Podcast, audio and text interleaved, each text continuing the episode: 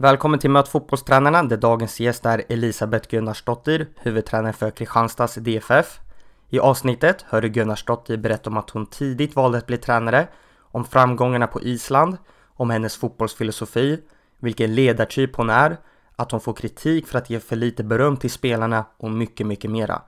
Prenumerera gärna för att inte missa något avsnitt och följ gärna podden på Instagram, Twitter och Facebook.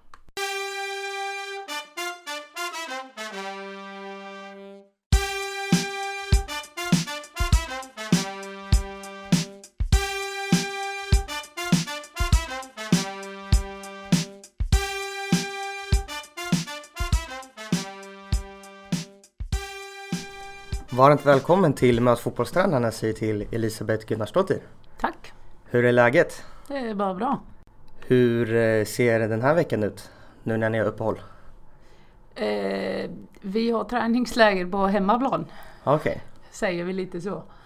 Det var tanken att vi skulle åka iväg faktiskt och eh, möta något lag utomlands. Och eh, jag kan säga så här, jag har kontaktat över 25 klubbar och försökt att få match just den här veckan. Och eh, det var inte lätt med tanke på att eh, VM har precis avslutat. Och jag ville få en riktig match, jag ville inte få något restlag som, som vill ha sina bästa spelare. Så eh, vi valde att, att, trycka på lite extra här hemma och sen ska vi möta LB07 i en träningsmatch på lördag.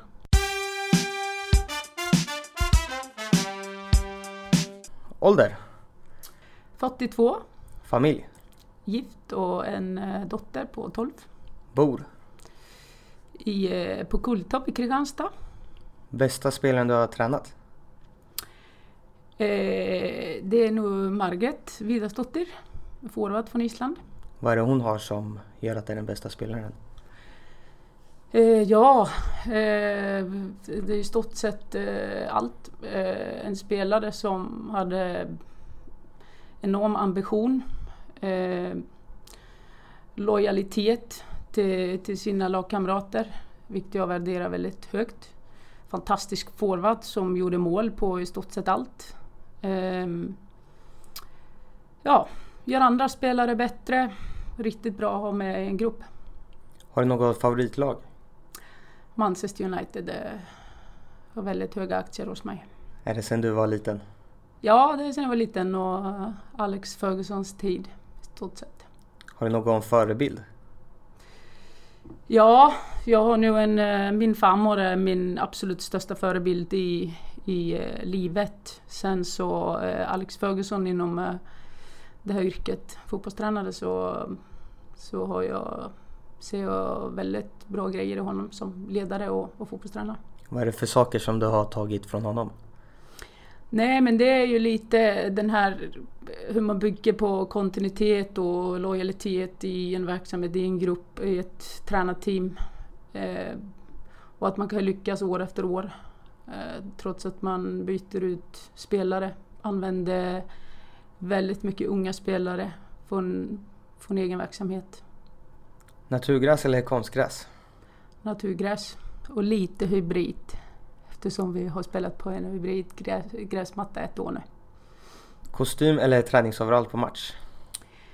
Eh, både och. Alltså jag har nog kört eh, båda varianterna men eh, jag är lite så här att jag har gått tillbaka till tränaroverallen och därför att jag vill vara aktiv i uppvärmningen och pallar inte riktigt att duscha efter uppvärmning och, och så här. Känner mig väldigt bekväm i tränaroverallen för tillfället, kanske ändras någon gång.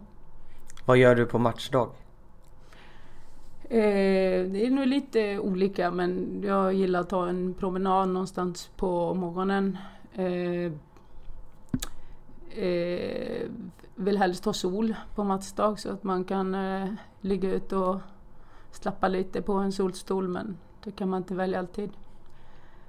Ja, ja matchdag är väldigt speciell. Det är många saker som dyker upp som eh, förvänta, som förvånar en alltid. Det här att man, eh, man är nervös.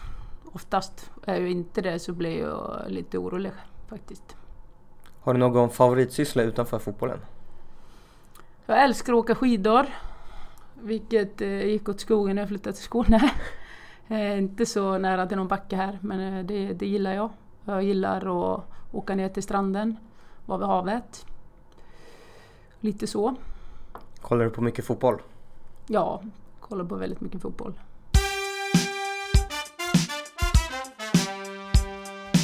Du är ju från Island. Hur ser din bakgrund ut? Ja, eh, jag eh, eh, uppvuxen i eh, ett, jag skulle nog vilja säga ett gettoområde på Island. Det finns nog bara ett i Reykjavik. Och där är en fotbollsklubb som hade bara killar. Och eh, jag spelade väldigt mycket fotboll. Man kan väl säga så här att det finns i stort sett inga bilder med mig från två, tre år utan att jag har något runt med mig. Det vill säga en boll. Eh, och var ute och spelade spontan fotboll med barnen i området så här. Men jag vågade aldrig ta mig till en fotbollsträning. Jag vågade inte träna med killar. Vilket är jättesynd. Det hade säkert inte varit så om det hade varit idag. Jag hade ju lite stöttning från mina nära och, och kära. Så eh, jag, jag går på min första fotbollsträning när jag är 13 år. Och då var det i ett annat område där jag fick eh, pendla ganska långt. Och fick jobba lite hårt för min, för, för min fotboll och började alldeles för sent. Hur kom du in på att bli fotbollstränare? Det, det är faktiskt väldigt speciellt. Eh, jag har nu skrivit i någon sån här, hade barnens dagbok som eh, min mamma fyllde i massa grejer och eh, så skrev jag själv där eh, när jag var 13 att jag ville bli fotbollstränare och idrottslärare. Och av den anledningen att jag hade inte vågat att ta mig själv till fotbollsträningar, inte lärt mig så mycket som jag kunde ha gjort när jag var 13. Så jag var nu redan vid 13-årsåldern ganska bitter över att jag inte lärt mig mer än vad jag hade gjort. Så jag skrev faktiskt i en bok då att jag skulle bli världens bästa fotbollstränare när jag, när jag var 13 år. Vad var det som lockade dig att satsa på det istället för en egen spelarkarriär? Jag, jag tyckte när jag var 13-14 att jag insåg att jag var sämre än många andra. Och, och sjuk vinnarskalle och sån här tävlingsinstinkt. Och jag brukar vara så här att eh, jag gillar att tävla men jag gillar inte att tävla i det jag vet att jag inte kan vinna. Eh. Och så eh, lite, det, var, det var väldigt jobbigt för mig att komma till ett lag som en 13-åring där jag bestämde mig i bussen på vägen dit där jag skulle ha nummer åtta på ryggen och skulle spela den positionen och så här. Så kommer man dit och då är det 15 tjejer som är mycket bättre än mig. Så eh, jag började titta på massa träningar hos andra. Jag, jag kommer ihåg mig själv 14-15 år. Jag tittade på otroligt många handbollsträningar i, i min moderklubb Vallur. Det var en rysk handbollstränare som eh, kom dit som har format mig otroligt mycket som tränare. Eh, och jag var så intresserad av hur han jobbade med individerna. Och jag började ta eh, lite efter honom och började träna själv utifrån vad jag såg att han gjorde med handbollsspelarna. Så jag tränade väldigt mycket på egen hand vid 14, 13, 14, 15 års ålder. Och, eh, och då började yngre spelare så här hänga på ute på träningsanläggningen och, och då insåg jag att jag kanske hade lite ledaregenskaper och kunde lära ut andra det jag hade missat själv. Vart inledde du din tränarkarriär? I Valur. Så jag spelade fortfarande och eh, jo, det var så här att jag fick, eh, jag bröt foten och då fick jag en så här VHS, jag eh, vet inte vad det heter, kassett eller så. Eh, en sån DVD med filkurvor. Teknikövningar och massa övningar som, så, som jag visste inte att fanns. Och den hade jag med mig. Jag gick in på kontoret till, till ledningen i klubben och frågade om jag fick vara assisterande tränare i det yngsta laget. För jag hade massa holländska övningar jag kunde lära ut dem.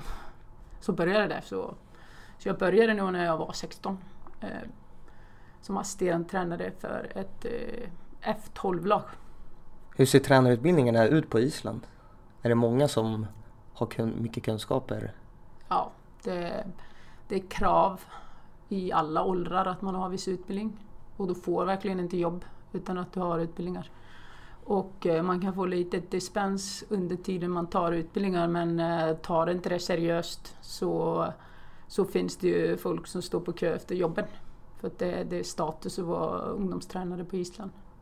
Jag kan rekommendera för ungdomstränare i Sverige som, eh, som vill ha bra betalt och mycket jobb så kan man verkligen åka till Island och få ett riktigt bra jobb.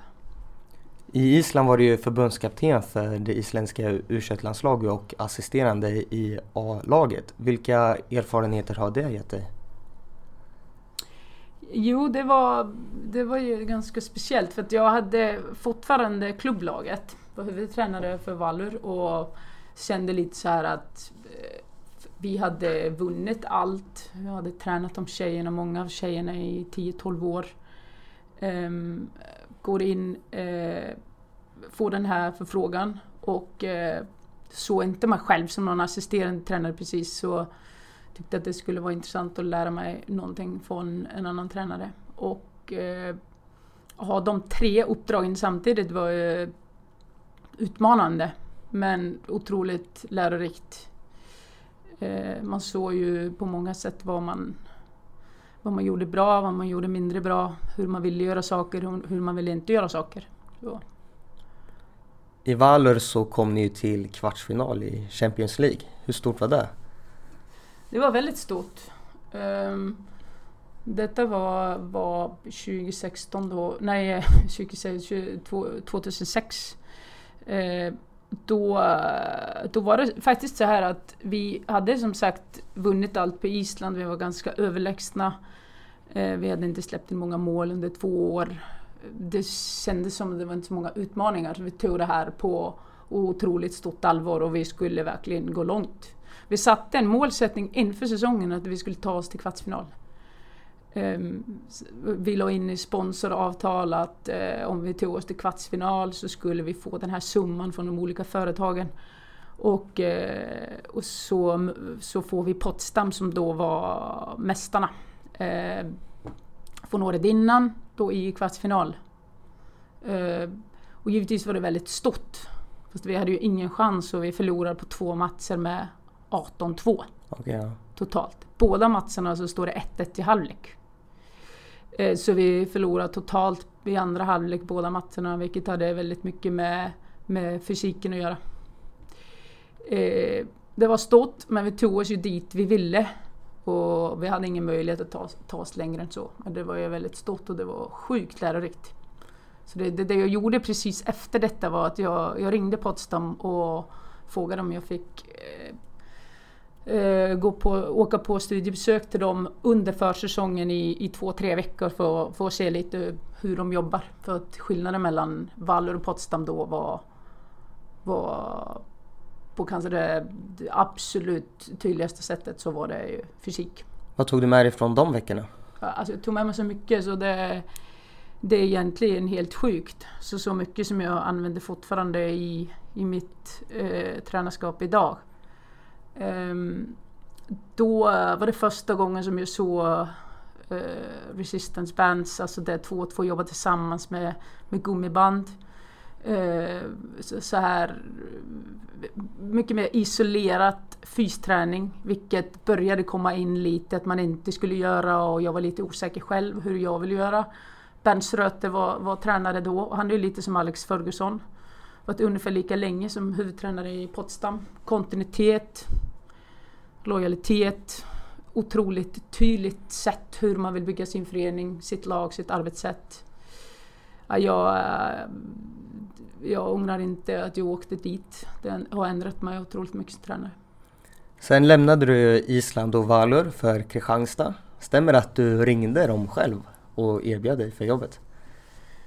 Ja, det stämmer att jag kontaktade dem själv, skickade faktiskt. Men eh, det var så här, det fanns en hemsida, damfotboll.com och jag följde den, jag läste den varje dag. Eh, men det, det, finns en bakhistoria varför det blev så. För att under, eh, under sex års tid innan jag flyttade hit, då, då la jag in i mitt avtal i Vallur att jag kunde åka på två studiebesök varje dag, nej varje år, eh, eh någonstans i världen. Så under sex år så gör jag 12 olika klubbesök. Så jag, jag åker till Danmark, jag åker till Sverige, jag åker till eh, Tyskland, USA, ja överallt ska man säga. Jag, jag ville eh, identifiera lite vad, vad som passade mig. Jag, jag skulle utomlands. Och eh, jag besökte här Djurgården, eh, Malmö som det hette då och eh, Göteborg. Och fick se lite den här svenska fotbollen och Sverige var det som lockade mest. Och, och det var ganska så här medvetet från min sida att Malmö eller Göteborg skulle kanske inte ringa mig och erbjuda mig ett jobb. Så såg jag att Kristianstad letade tränare och jag ska vara riktigt ärlig, jag ville gå till en mindre klubb där jag skulle få jobba jättehårt för att visa att, att jag var någon tränare. För att det hade kommit upp sånt här snack på Island att en, en eh, sopsäck hade kunnat träna laget, att de, vi hade ändå vunnit ligan. Alltså att jag hade så pass bra spelare. Och eh, istället för att skita i de kommentarerna så var jag ung och, och lite dum och och det gjorde mig så här frustrerad och jag ville visa att nej, jag ska gå till en liten klubb och bygga den till en stor. Så jag är fortfarande där. Ni har ju byggt upp eh, Kristianstad nu under drygt tio år. Men vad är det som har varit framgångsfaktorerna att ni har tagit steg framåt hela tiden? Eh, kontinuitet skulle jag vilja lyfta som kanske den viktigaste grejen och eh, eh, lojaliteten hos människorna som har jobbat i klubben. Vi har lyckats eh, bygga en väldigt, väldigt liten förening eh, med i stort sett ingen organisation till en väldigt stabil eh, och bra förening med många människor som, som jobbar runt omkring. Hur skiljer det sig att jobba här i Sverige jämfört med på Island? Det, det, är lite svårt för mig kanske att, att säga Sverige-Island men jag kan ändå jämföra Kristianstad med Valler absolut och, och jag vet ju hur det ser ut i, i de flesta klubbarna på Island. Det är ganska likadant i alla klubbar. Det är ju inga, jag tror verkligen att det är ingen förening på Island som är bara damfotboll. Så antingen har du allt, så du har herrar, damer, eh, flickor, pojkar i stort sett i alla klubbar. Så du har en ganska så, så här, stor och bred organisation. Organisation är aldrig ett problem på Island i en förening. Så det upplever jag som kanske det starkaste bakom eh, ett fotbollslag. Här har jag upplevt, eh, framförallt här i Kristianstad, och det är inte bara i, i KDFF, utan det är här fotbollen, det är det är hockeyn, handbollen har lyckats otroligt bra. Men man ser i övriga damfotbollsklubbar här i Sverige att det, det lyfts gärna. Organisation, eh, ekonomiska förutsättningar mm, som problem. Ni ligger sjua nu under uppehållet. Vad tycker du om säsongen så här långt? Eh, ja, man kan väl säga att det har varit lite gott och blandat. Det, Eh, sjua, jag, jag tänkte faktiskt, jag trodde att vi låg högre än så, jag ska vara riktigt ärlig. Jag vet bara att vi är fyra poäng från toppen.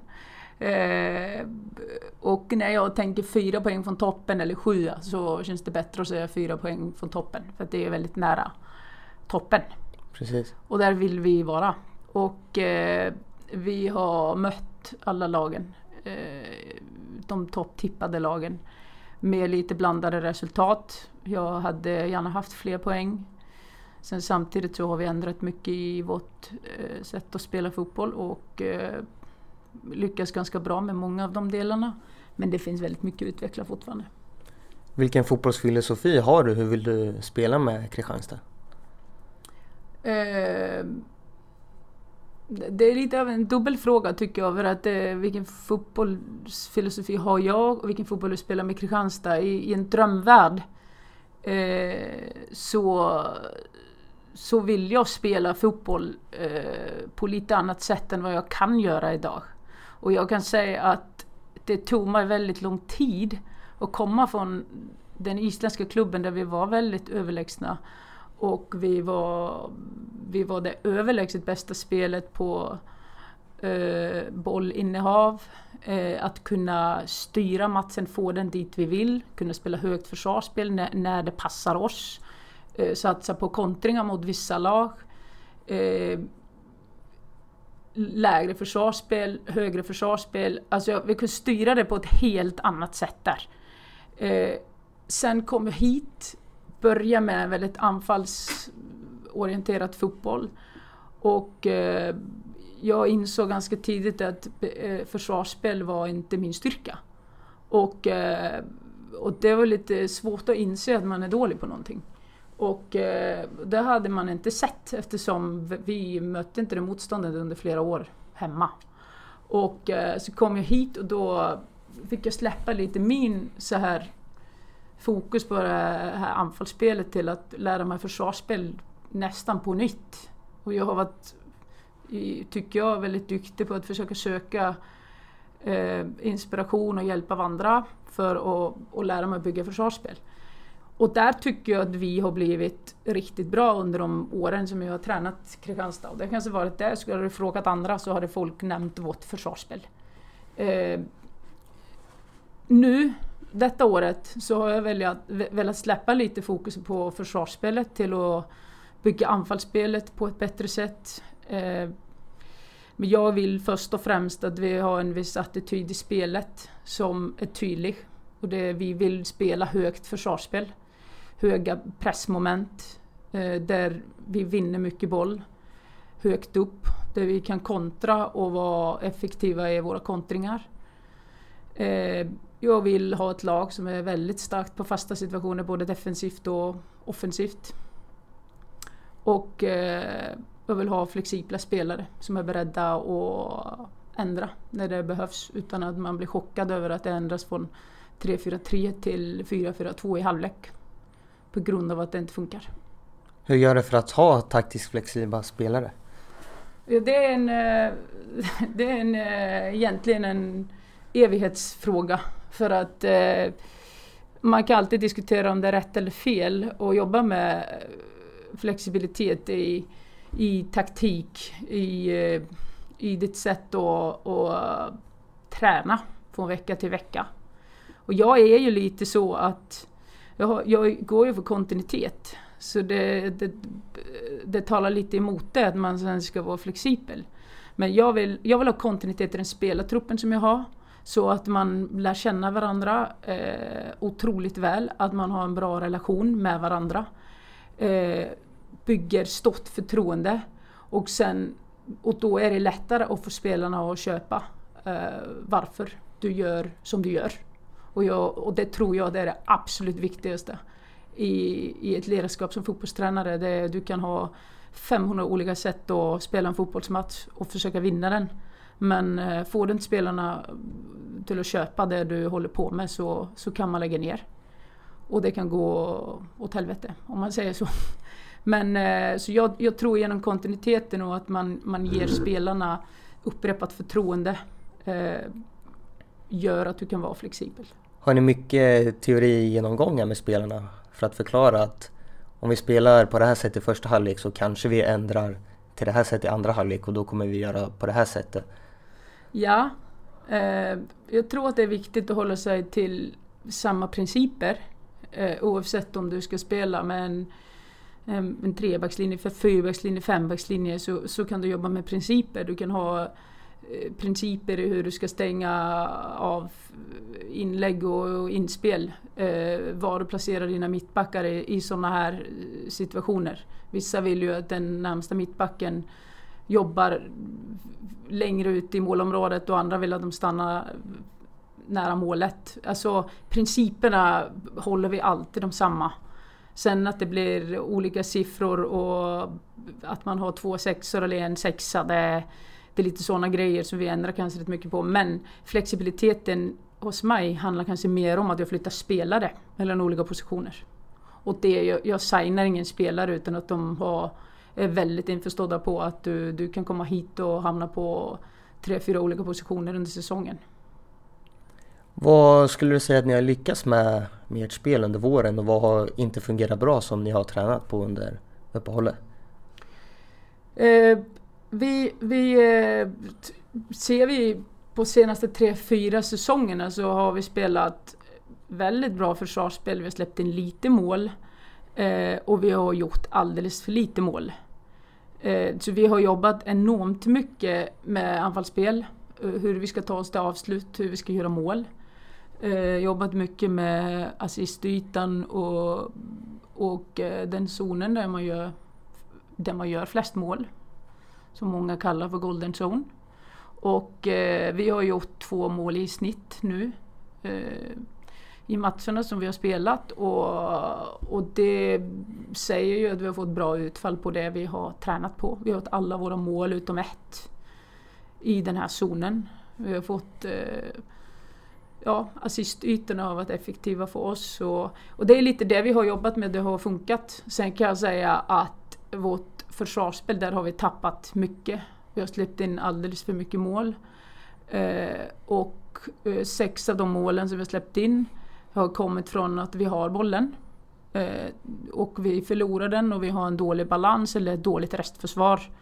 Vilket gör att vi blir straffade på, på ett sätt som jag känner inte att vi är vana vid att, att bli straffade på på samma sätt som vi har blivit straffade på i år. Och det, det, kommer ju absolut på grund av att du tar högre risker i anfallsspelet. Du har fler spelare eh, involverade i anfallsspelet. Och eh, det här eh, har vi jobbat med under uppehållet och kommer fortsätta jobba med. Det, jag tycker att anfallsspelet sitter ganska bra. Har bra självförtroende i mina anfallsspelare och jag behöver eh, bygga självförtroende hos mina försvarsspelare från målvakt upp till eh, högsta försvarare. Så är det. Vad är det för detaljer ni har ändrat på? Har ni lagt mer att ni ska stanna med mer spelare och hålla balansen eller? Nej men alltså det hade faktiskt möte med spelarna igår där vi diskuterade det här i en ganska lång stund. Och det är lite det här att eh, när man pratar försvarsspel så pratar man väldigt ofta triggers i, i pressspelet. Vad, vad triggar igång pressen? Och, och det hör man ju väldigt ofta. Du kan lyssna på många poddar och så här och folk pratar, pratar triggers. Och i eh, spelet fotboll så pratar man skeden och övergångar mellan skeden och så här. Eh, jag har lagt in en ny ruta som är, som är trigger eh, till ett bra restförsvar. Och då menar jag, du har bollen uppe i inläggssituation eh, i högerhörnan. Alltså hur restförsvarar vi? Eh, vår egen planhalva. Och det, men det är inga nya grejer och det är någonting som vi alla fotbollstränare och alla fotbollsspelare tänker på. Men vi har inte pratat triggers för dem. Så vad är triggern för att de ska få bättre fokus på och, och balansera sina ytor, vara deras anfallsspelare och så här. Och sen är det en, en väldigt stor grej i det också. Det är ju analysverktygen. Vi har inte Spideo och eh, eh, alla matcher som vi analyserar oss, oss själva är ju för dåligt filmade. Så du, du ser aldrig de här delarna.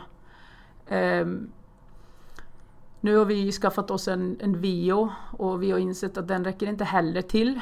Så har du den bakom målet så zoomar den fel in så här så senast igår så höll vi på att titta över allt på våran arena hur vi ska få upp en kamera bakom ett mål. För jag tror inte att vi kan bygga det här till så pass perfekt organiserat som jag vill. Utan att vi har analysverktyg i video eh, få rätt vinkel. Vad är nästa steg för Kristianstad? Eh, nästa steg är bättre placering än eh, förra året. Förra året kom vi fyra. Eh, ja, vi byggde en vision för fyra år sedan som vi döpte till 20, Vision 2020. Och då var vårt mål att vi skulle vinna ett SM-guld till 2020.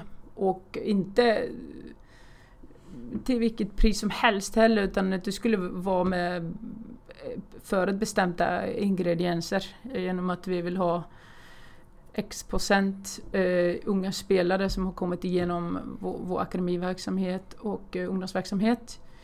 Ehm, det innebär att man behöver jobba enormt mycket med utveckling på unga spelare. För de behöver vara förberedda för att stå inne på plan och jaga ett SM-guld. Du kommer alltid att vara beroende av ekonomi för att vinna ett guld. Ekonomin har vi brottats med i många år i eh, Kristianstad och för att vi ska lyckas med vårt mål till nästa år så, så behöver vi bygga på publiken, eh, få ett större stöd från näringslivet. Men först och främst så, så behöver vi fortsätta tro på att vi kan klättra i det vi gör. Och jag känner när jag har omklädningsrummet framför mig att alla tror att vi kan bli ett topplag som kan vinna eh, finare färger på medaljer och det, jag hade aldrig suttit här och varit kvar som tränare i KDF om jag inte trodde på det. Vad är det som gör just att du har stannat så länge? Du har ju varit i Kristianstad nu sedan 2009.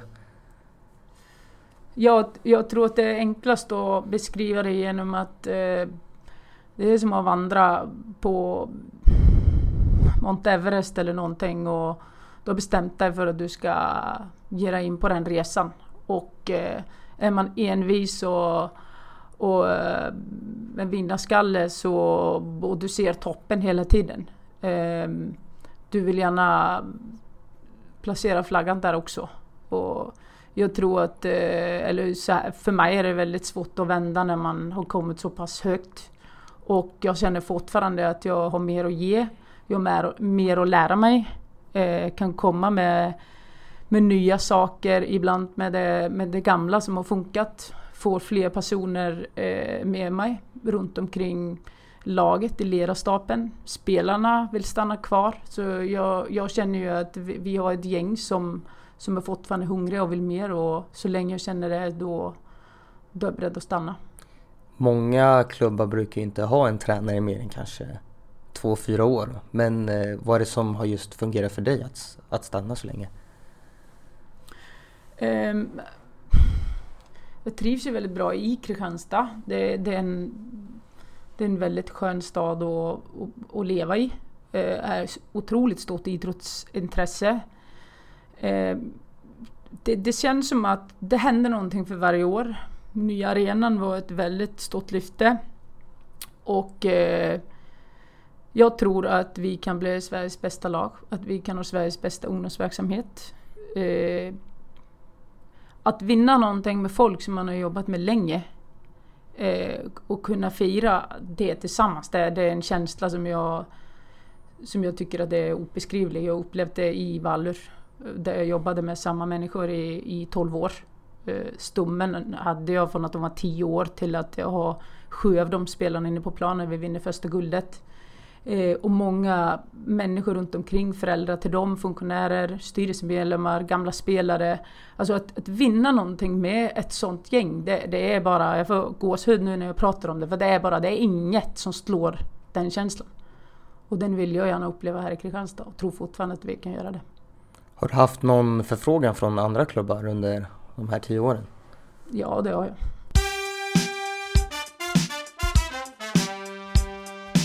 Varför tror du att det bara finns två kvinnliga tränare i damallsvenskan?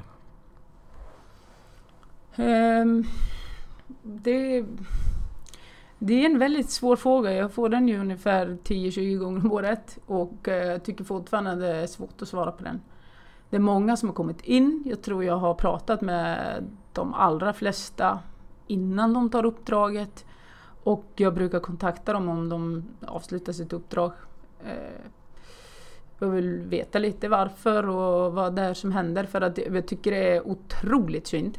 För eh, det ska vara lika möjligt för en kvinna och en man att satsa på en tränarkarriär. Men det är samma saker lyfts i de samtalen känner jag. Det är nästan som att jag, jag gör en egen studie på det här. Det, är ju, det lyfts alltid det här att det, det är för mycket jobb för, för dålig lön. Um, att det är för få toppjobb som verkligen kan göra att du kan satsa på det här. Um, för mycket runt omkring. Organisationerna är för dåliga så du får göra för mycket. Um, och sen tror jag fortfarande i den här könsrelaterade frågan så är ju kvinnan eh, en mamma som ofta i förhållanden föder barnet och Eh, och då blir det lite så här att man, man tappar intresset där. Man har fått två barn och då känner man att jag är nöjd och uh, jag vill satsa på det här att vara, vara en bra mamma och, och satsa på någonting annat. Det är svårt att svara på det faktiskt. Men de stannar inte länge. Tror du det någonting som förbundet eller klubbarna kan hjälpa till med? Nej men jag tror, jag tror man ska ta in dem tidigare på ungdomslagen.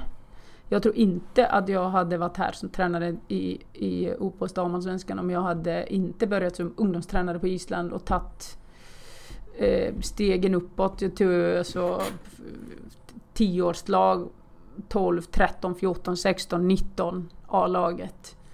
Har ju haft hela spannet så det är lättare när man tar den vägen uppåt. Så då tar det inte någon jättesmäll. Komma från att vara spelare till att träna ett A-lag, det förstår jag. Det, det är en stor skillnad och det blir lite av en bomb för, för vissa av de här tjejerna. Bara, Fy fan vad mycket jobb. Hur pallar det här? Det är lite den frågan jag får ofta. Vad är det som har gjort att du har lyckats? Det är kanske lite det jag var inne på att eh, jag började tidigt. Har varit väldigt målinriktat. Jag vet exakt eh, vart jag är på väg. Eh, jag har ingen backspegel. Det finns inget att ångra eller ta något steg tillbaka. Mitt första uppdrag i, i eh, högsta serien på Island varade bara i nio månader, då fick jag sparken. Och då var jag 25 år. Eh, och då, då ifrågasatte jag mig själv i en månad kanske.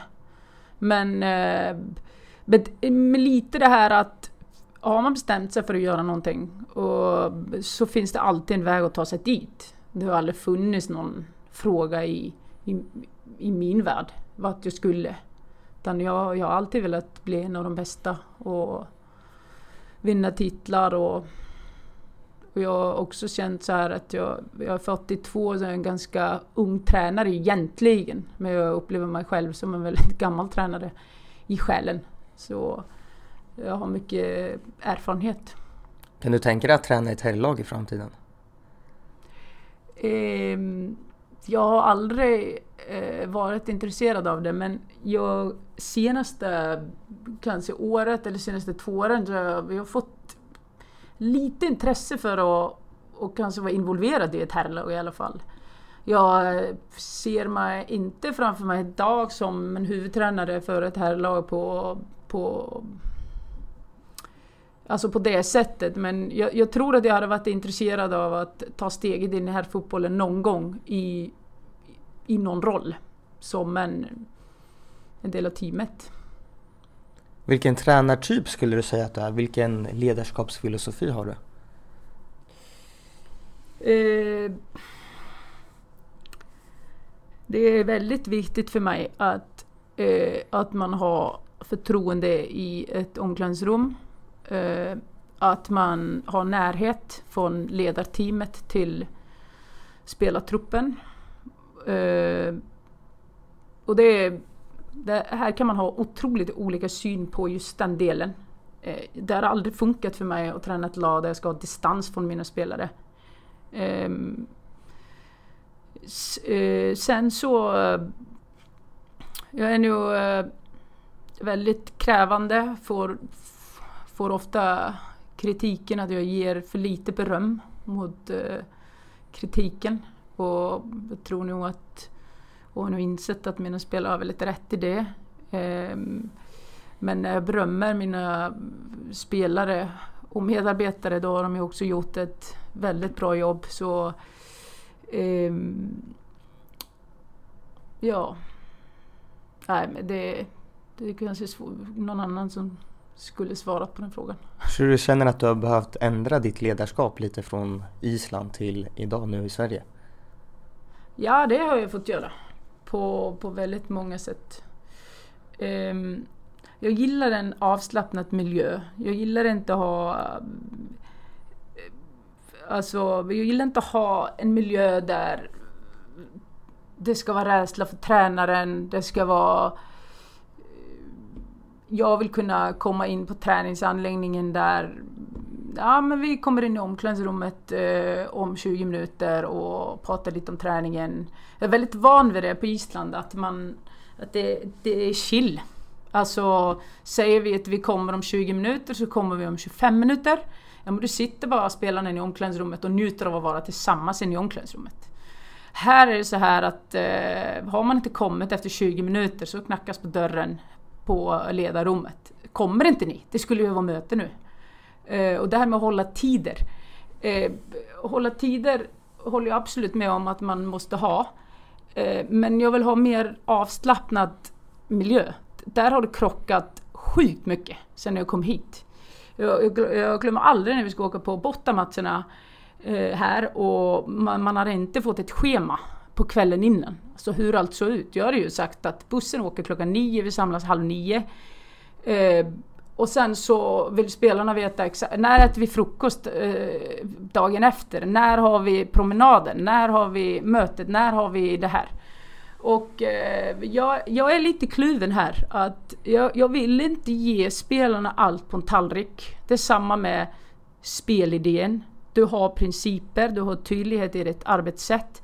Men har du verkligen byggt allt och eh, gett dem på en tallrik och så ändras allt utifrån hur motståndarna spelar eller bussen stannar för att det är krock på vägen. Så får alla panik. Och du kan inte reagera i en sån situation på ett avslappnat sätt. Det här har jag fått brottas med sedan jag flyttade hit och tror att det så här börjar lyckas med att få mer avslappnad miljö i eh, Kristianstad. Ehm, men eh, ja, det, det, är lite i mentaliteten som jag känner. Och jag kan säga första året 2009 så, så inledde vi säsongen med tio raka förluster och, och det var ju en chock för mig. Det var chock för spelarna, chock för klubben.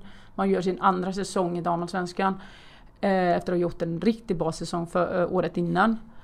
Och efter åtta raka förluster så kommer jag ihåg att jag, jag går in i omklädningsrummet och jag har så här speech innan match. Så, och så står jag där och säger Tjejer, eh, nu står vi verkligen med huvudet mot väggen och jag lyfter upp min hand som en pistol och skjuter på mitt huvud.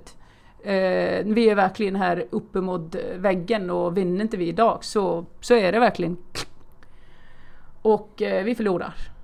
Eh, och det blir ett jäkla liv såklart. Eh, eh du kan inte sätta den pressen på oss och eh, styrelsen och eller ledningen som kanske inte var så många människor, men då, då började alla prata det här snacket att det, det, går inte att sätta den pressen. Men jag är inte, jag är inte van vid det. På Island så, så är man bara, man pratar, man säger det som det är. Alltså där har vi förlorat åtta matcher, eh, sju matcher i rad, vi går in på den åttonde, vi måste vinna. Annars så börjar vi se att vi åker ur serien. Och det vann vi inte förrän i elfte omgången. Jag eh, hängde kvar. Men jag slutade med pistolen och sådana eh, pressspeecher kanske. Och, och insett under mina år här att eh, vi, är, vi är olika hur vi växer upp. Vad vi ska klara av. Betyg i skolan. Att man får vara bäst. Att alla ska vara lika bra upp till en viss ålder. Att man inte ska räkna mål och allt det här. Det är ju väldigt annorlunda på Island. Vad tycker du kring eh, sådana bitar då? Nej men jag vill ha mycket tävlingar i min träningsmiljö. Jag har haft genom åren otroligt mycket tävlingar. Så det kan vara en taktisk övning men den har ett syfte att du måste vinna. Och jag kan säga att unga spelare som kommer på första träningen i A-laget eh, och jag hör detta från från flera islänningar. Alltså som går in i allsvenska lag, superettan-lag, elitettan-lag. Man, man blev väldigt chockad över att, att du, kan, du kan spela en match på en träning. Och så, så frågar någon, eh, och så tar man paus och alla ska dricka vatten och det är halvlek i spelet. Så, vad står det? Det är ingen som har någon aning om vad det står. Jag ska säga kanske inte ingen, men det, det kan vara tre, fyra, fem, sex spelare. De vet inte vad det står. För mig är det obegripligt. Så jag har en regel hos mig som är verkligen så här. Så det kommer en nya spelare så vet mina äldre spelare, jag kommer fråga den unga spelaren i halvlek. Vad står det? Det är kanske hennes första träning hon är 15 år. Svarar hon fel så gör alla 50 armhävningar. Ja, då kan man diskutera, ska man ha straff? Eh, ska, ska man träna på det sättet att du straffar någon för så här? Ja, jag gör det i, i de här lägena.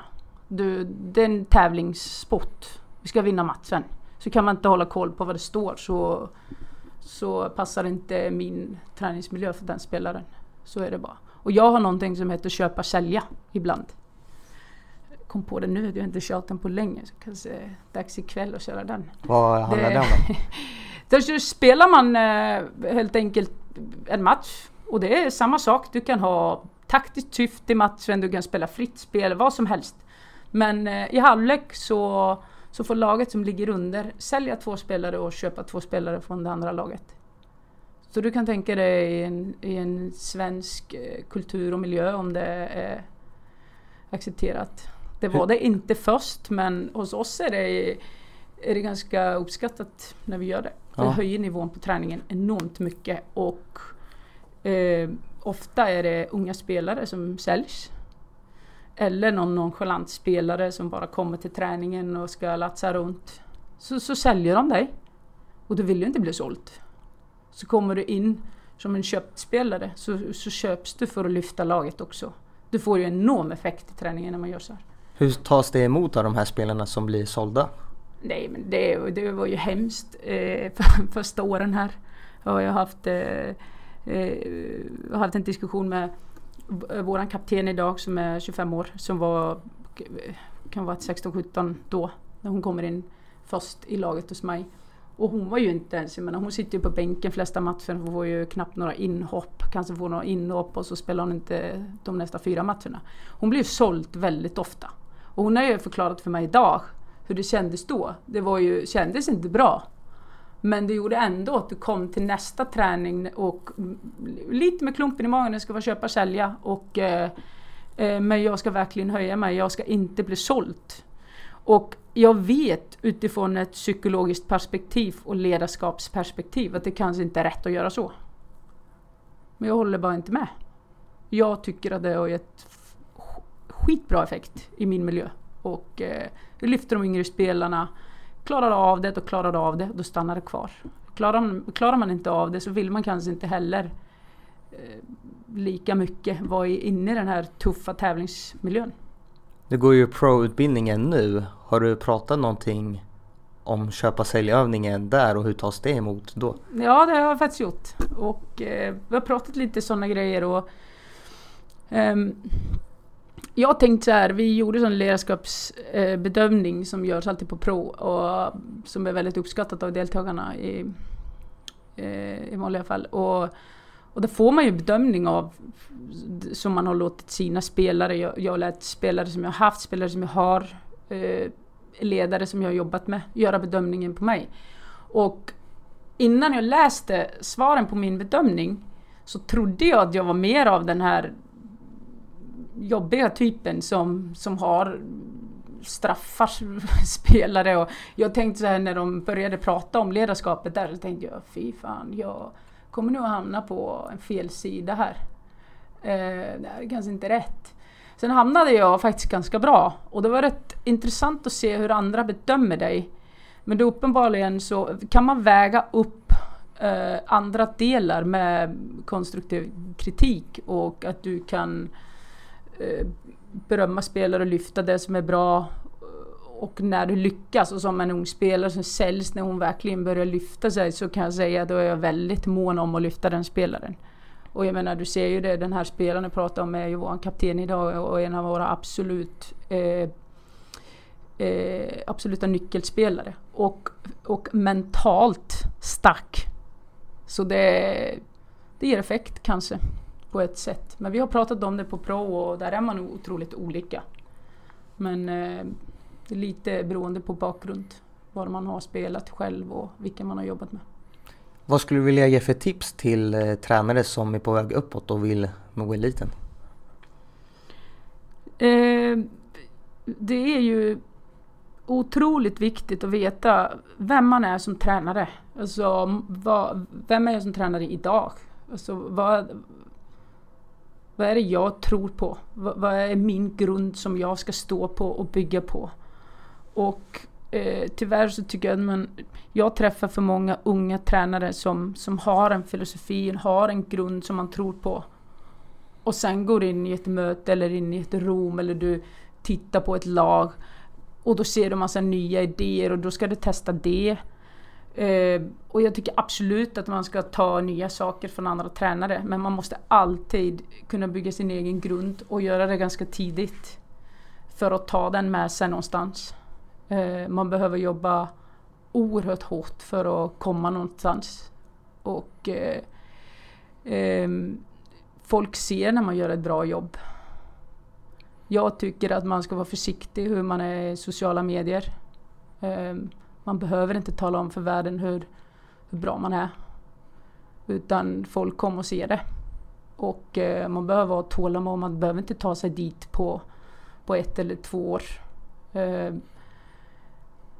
eh, är man mån om att ta ett bra uppdrag som man tror att man kommer trivas med också så tycker jag att det är bättre att, att vänta lite och hitta det rätta uppdraget istället för att ta någonting bara för att nu, nu kom någonting som passade för stunden. Så jag tror att man behöver ha en tydlig målsättning och tydlighet vart man ska och, eh, och ha lite tidsspann på eh, var man ska vara om fem år, om tio år. Vart vill du vara om fem år? Eh, jag tror nog att eh, ska vara riktigt ärlig så tror jag att jag kommer inte vara här om fem år. Jag har haft en ganska tydlig målsättning för mig själv vad jag vill göra med, med Kristianstad och eh, har jag inte lyckats med det om fem år så tror jag att, eller då vet jag att någon annan ska ta över och, och försöka göra det jobbet. Men eh, jag tror om fem år att vi har lyckats bli bäst i Sverige här. Och, och då eh, vill jag ta något nytt uppdrag med några nya utmaningar. Och eh, jag tror att det kan, jag kan hamna på landslagssidan eller någonstans utomlands i någon bra förening som vill ha en tränare med, som jobbar med kontinuitet och, och på det sättet som jag vill leda ett lag. Vilken tränare skulle du vilja lyssna på i podden? Eh, jag skulle vilja lyssna på Thomas Gabrielsson som tränar eh, Västerås. Han går provutbildningen med mig. Och där eh, säger han inte så mycket. Men jag känner att det finns väldigt mycket intressant att få höra. Eh, jag skulle också vilja lyssna på Caroline Sjöblom som är tränare i AK verkar vara en eh, kvinnlig tränare som vet till 100% vart hon är på väg och eh, vad hon håller på med och vad hon tror på. Lite som jag var inne på innan. Jag skulle vilja höra vad det innebär. Och sen kanske den tredje är Jocke som tränar eh, Varbergs Boys. Det hände någonting alldeles eh, unikt där. Han var ju tränare här för eh, Kristianstad FC för två år sedan. Eh, och fick lämna sitt uppdrag. Och, och de var ju botten förra året med Varbergs och nu ligger man överlägset i toppen. Eh, vad gör du Jocke? Det vill jag höra. Stort tack för att du tog dig tid och lycka till i höst. Tack!